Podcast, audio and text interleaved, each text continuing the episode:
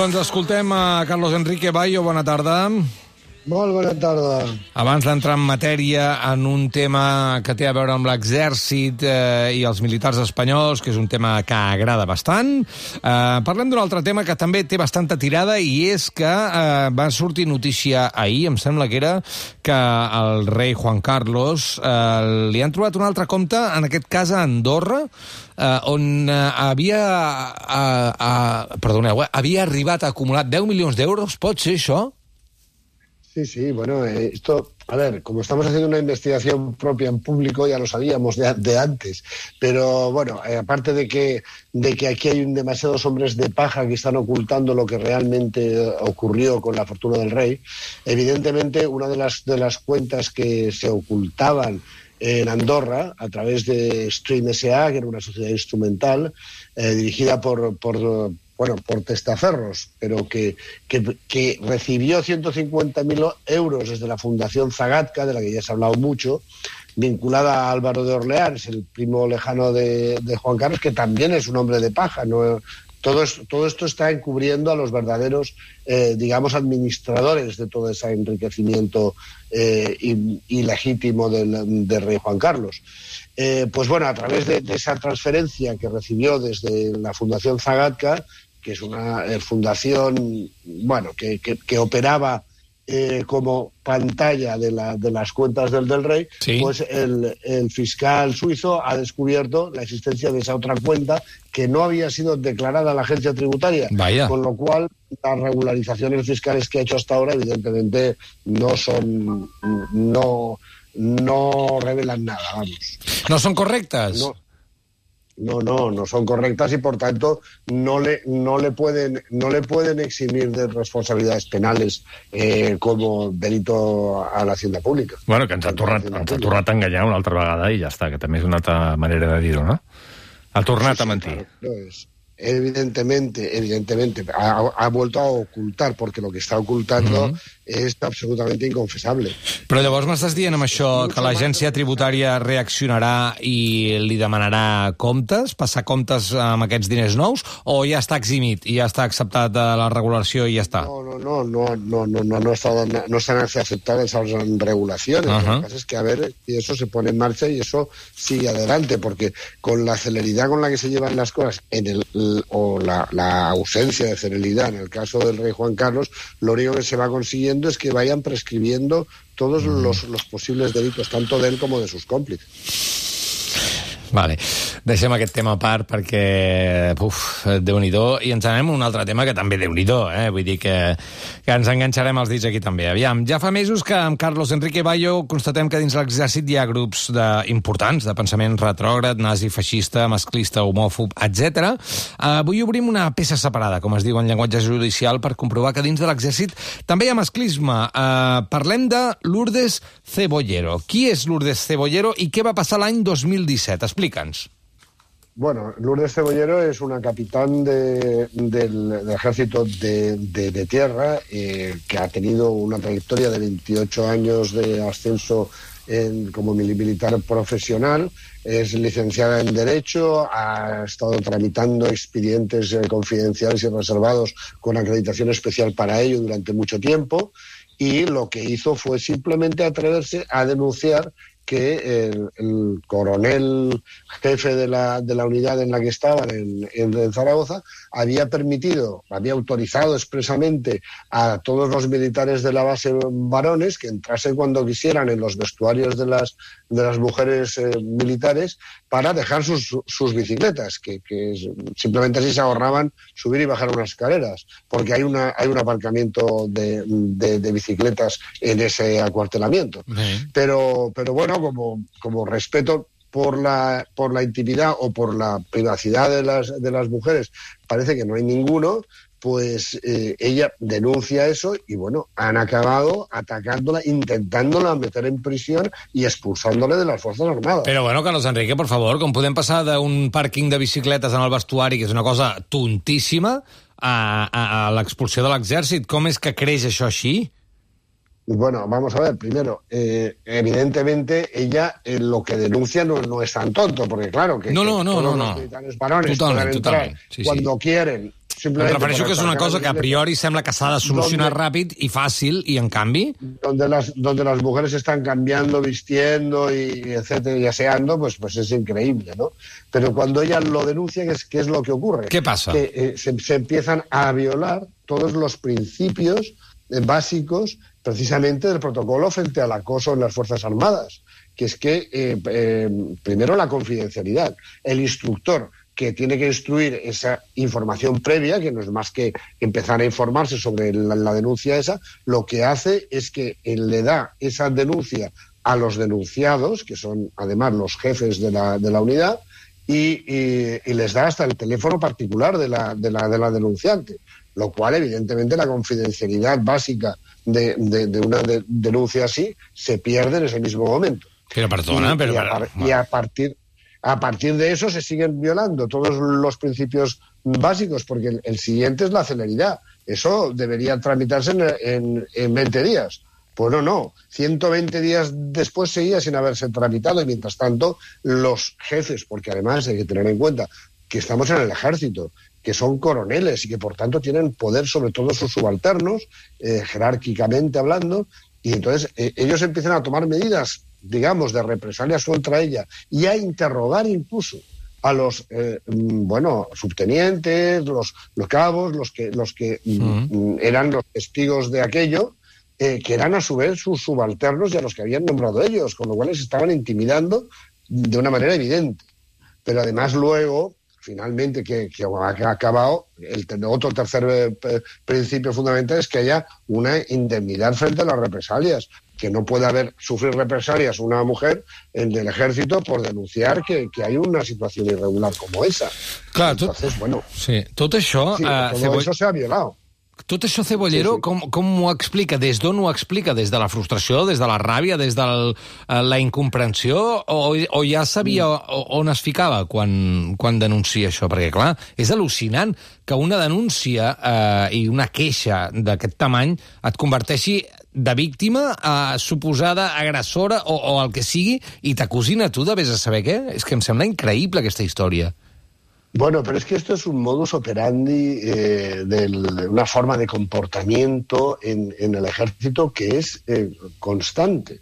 Eh, es decir, en defensa eh, es devastador. Al denunciante, o a la denunciante en este caso, hay que ahogarlo laboral, económica y psicológicamente hasta, hasta que se hunde.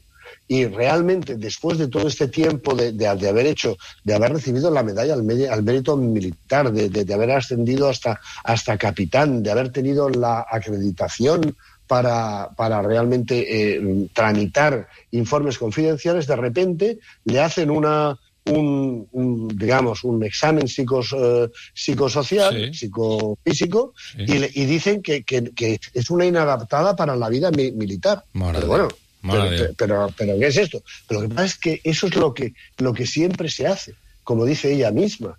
Es que eh, dice, eh, ella lo que quiere es poner en evidencia el verdadero tratamiento de la igualdad en el ejército. Se está vendiendo unas Fuerzas Armadas integradoras de la presencia de la mujer y es mentira. La, la- a ver, eh, la asesoría jurídica del propio Ministerio de Defensa Mm. es que no res- respeta los principios básicos. Mira Es que, mira que diu... primero. Sí. No, declaracions de, de Cebollero, a Diario Sí, sí. 16, diu, a mí no me vio jamás un médico militar. Me hicieron unos test y una consulta de cinco minutos ante un psiquiatra y bastó para que me informara eh, mi pase a retiro. Con 27 años de servicio, 20 manejando información clasificada, no parece muy normal que se me declare incapaz, sino no sé en manos de quién deja el ejército su material confidencial o reservado. Sí, sí, por supuesto, por supuesto que sí. Eh, eh, es que ade- además, eh, es que son los asesores jurídicos del Ministerio de Defensa los que se están saltando a sabiendas la, ley de igualdad, que además es una ley orgánica. ¿no? Entonces, por eso ella dice que va a llegar hasta donde tenga que, llegar, que, está esperando ahora la respuesta de la, de, de la ministra Margarita Robles. Bueno, un una, moment, una però- ministra que cuando... Perquè dintre, un moment, un moment, un moment Carlos Enrique, Sí, sí. dintre dels protocols de, que podia fer de l'exèrcit, ja no en pot fer més. Ja, ja no pot recórrer a res que no sigui la ministra de Defensa. No, no, claro que no, porque, porque eh, a ver, no, pero la ministra de Defensa llegó a recibirla. Y porque ella y, llegó a decirle que era una barbaridad lo que estaba padeciendo y que ella había cumplido con su deber eh, denunciando lo que había denunciado.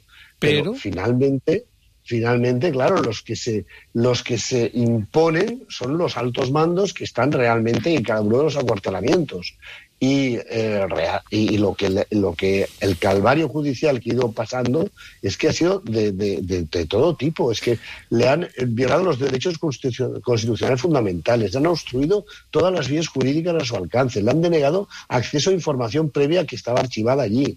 Y bueno, es que le han vulnerado los principios legales del, del propio protocolo de actuación frente al acoso. Es que, es que no le queda más remedio que recurrir a la a, la ministra y, si no, pues irá al Tribunal Constitucional y dice que después, si, si el Tribunal Europa, ¿no? pues, mira para otro lado, seguirá hasta la justicia europea. Porque es que esto es evidentemente eh, podemos hacer unos protocolos estupendos y anunciarlos como una gran, un gran avance en nuestra, pero luego la realidad desmiente eso. Y eso es lo que está ocurriendo constantemente en la vida diària de, de los acuartelamientos i, i, de, i de l'exèrcit. Carlos Enrique, això passa des del teu punt de vista sempre que hi ha algun problema amb l'exèrcit o depèn de qui sigui la persona denunciada o una de les persones denunciades? Perquè en aquest cas, per exemple, una de les persones que Cebollero va denunciar és el delegat de defensa de l'Aragó, el coronel Félix Allo Flores, que és una persona sí, sí. intocable dins de l'exèrcit, no? Sí, sí, por supuesto. Es, es realmente alguien que, bueno, eh, uno es el coronel y otro es el teniente coronel Rafael Fernando Fernández Cisniega, ¿no? Eh, evidentemente que son, que son, que es gente intocable, pero eh, intocable no solo porque están protegidos por los generales más, más influyentes del, del, ejército, y, sino que también es que forman parte de un círculo, pues digamos, eh, tradicionalista y, y ultraconservador, eh, muy reconocido y que, y, y, que ya hemos hablado muchas veces antes de, de, de, eh, de ello, y que se, se cubren entre, entre ellos. Entonces, por eso, lo que, lo que es increíble es que el subsecretario de, de, de, Defensa actual es que negó hasta el principio de confidencialidad que, que establece el, la, el, propio protocolo frente al acoso uh -huh. y, y, la ley orgánica y, y, y, lo negó en una resolución firmada por él diciendo que la, que la información que se facilitó a los, de, a los denunciados no es constitutiva de secreto oficial ni información clasificada a ninguno, sabiendo, a sabiendas perfectamente de que, de, de, de que eh, eh, estaba esa resolució sí, sí. Eh, és que és prevaricadora, vamos. Escolta'm, uh, Margarita Robles ha de respondre, uh, té l'obligació de fer-ho, uh, i quan? Fins sí, quan? Sí, sí. Bueno, eh, esta, eh, como se, le, se apeló allá directamente el pasado 10 de mayo, que nosotros ofrecemos el resguardo de, de entrada del, del, ingreso en la parte de defensa de esa denuncia, eh, hay dos, dos meses, es decir, para el 10 de julio tiene que haber respondido. Pero claro, si vuelve a ser un jurídico militar el que, el que vuelve a negar en resoluciones, que son mm. resoluciones que son inapelables, porque claro, la justicia militar es así. Es otra de las cosas que hemos hablado alguna vez. En España seguimos teniendo una justicia militar separada de la, de la, justicia civil. Hasta el punto de que en uno, entre las trabas legales que le pusieron a la, a la capitana eh, Cebollero fue enviarla que, que, que, reclamase ante la justicia civil para que luego, después de hacer trámites, buscar abogados, pagar costas, etcétera, eh, le dijeran no, no, la justicia militar es independiente de la civil, vuelva usted a la militar. Entonces, eh, evidentemente es, es, que es inapelable. Eh, eh, el, el, problema en España es tener una justicia que no es igual para todos. ¿Qué es esto de que la justicia es igual para todos? Para los militares, desde luego, no. Mm. Escolta'm, eh, per mi, última pregunta. Com ho està vivint ella? Bueno, ella, claro, le han forzado al, al retiro, cosa que no quería, ella, pero no se conforma con ello, lo que ella lo está viviendo con indignación, porque una persona que está formada en derecho, que ha tenido, como digo, una, una trayectoria intachable y que además ha conocido eso, porque dice que a lo largo de, su experiencia ha visto claramente, como siempre, una y otra vez, eh, se, se, está mm, tapando las tropelías de determinados altos mandos porque son, forman parte de ese círculo de los intocables. Y, y, y claro, es que eh, realmente cualquiera, cualquier eh, militar, ya sea mi- militar de carrera como soldado profesional, que, eh, que quieren cesarlo por lo que sea, pues lo que se hace, se tapa el asunto con una cuestión médica, se Ya. disfraza de motivos psicológicos y Ya se expulsa del, del, del, del, del ejército. Mare meva. I ja està. I si ella no hagués insistit, insistit, insistit, ara no estaríem parlant d'aquesta qüestió, segurament, no? Escolta, Bueno, una... es que le animó la propia ministra. Ja. Ah. Y luego fue incapaz de protegerla.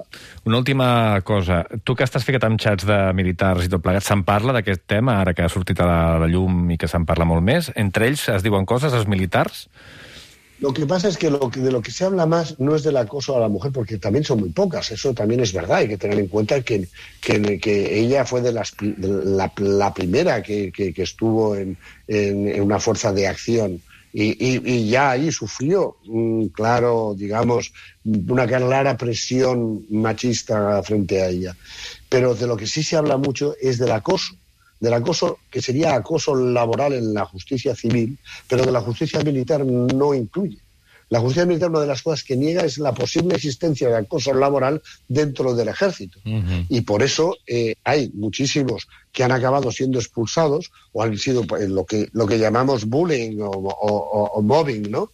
Eh, eso realmente mm, no, se, no es reconocido por la justicia militar y eso es, vamos, continuo y constante. Los mandos, aunque no hace que sean altos mandos, los mandos a sus subalternos los maltratan y los, y los presionan hasta provocarles a veces pues desequilibrios psicológicos importantes. Y, y, desde luego esa falta de, de, respeto por los derechos humanos básicos, por los derechos fundamentales, constitucionales, eh, eso mm, la justicia militar nunca lo, lo, condena ni lo persigue. Al revés, siempre el que acaba quebrado, como dice ella misma, es el que acaba siendo expulsado. Con lo cual, es, de eso sí que se habla muchísimo en todos los foros mm, libres, que no son muchos, entre los, entre los militares de carrera. Déu-n'hi-do, com sempre, tot el que ens explica a l'estat de Gràcia, Carlos Enrique Bayo. Moltíssimes gràcies. Gràcies a vosaltres, com sempre. Adéu. Adéu.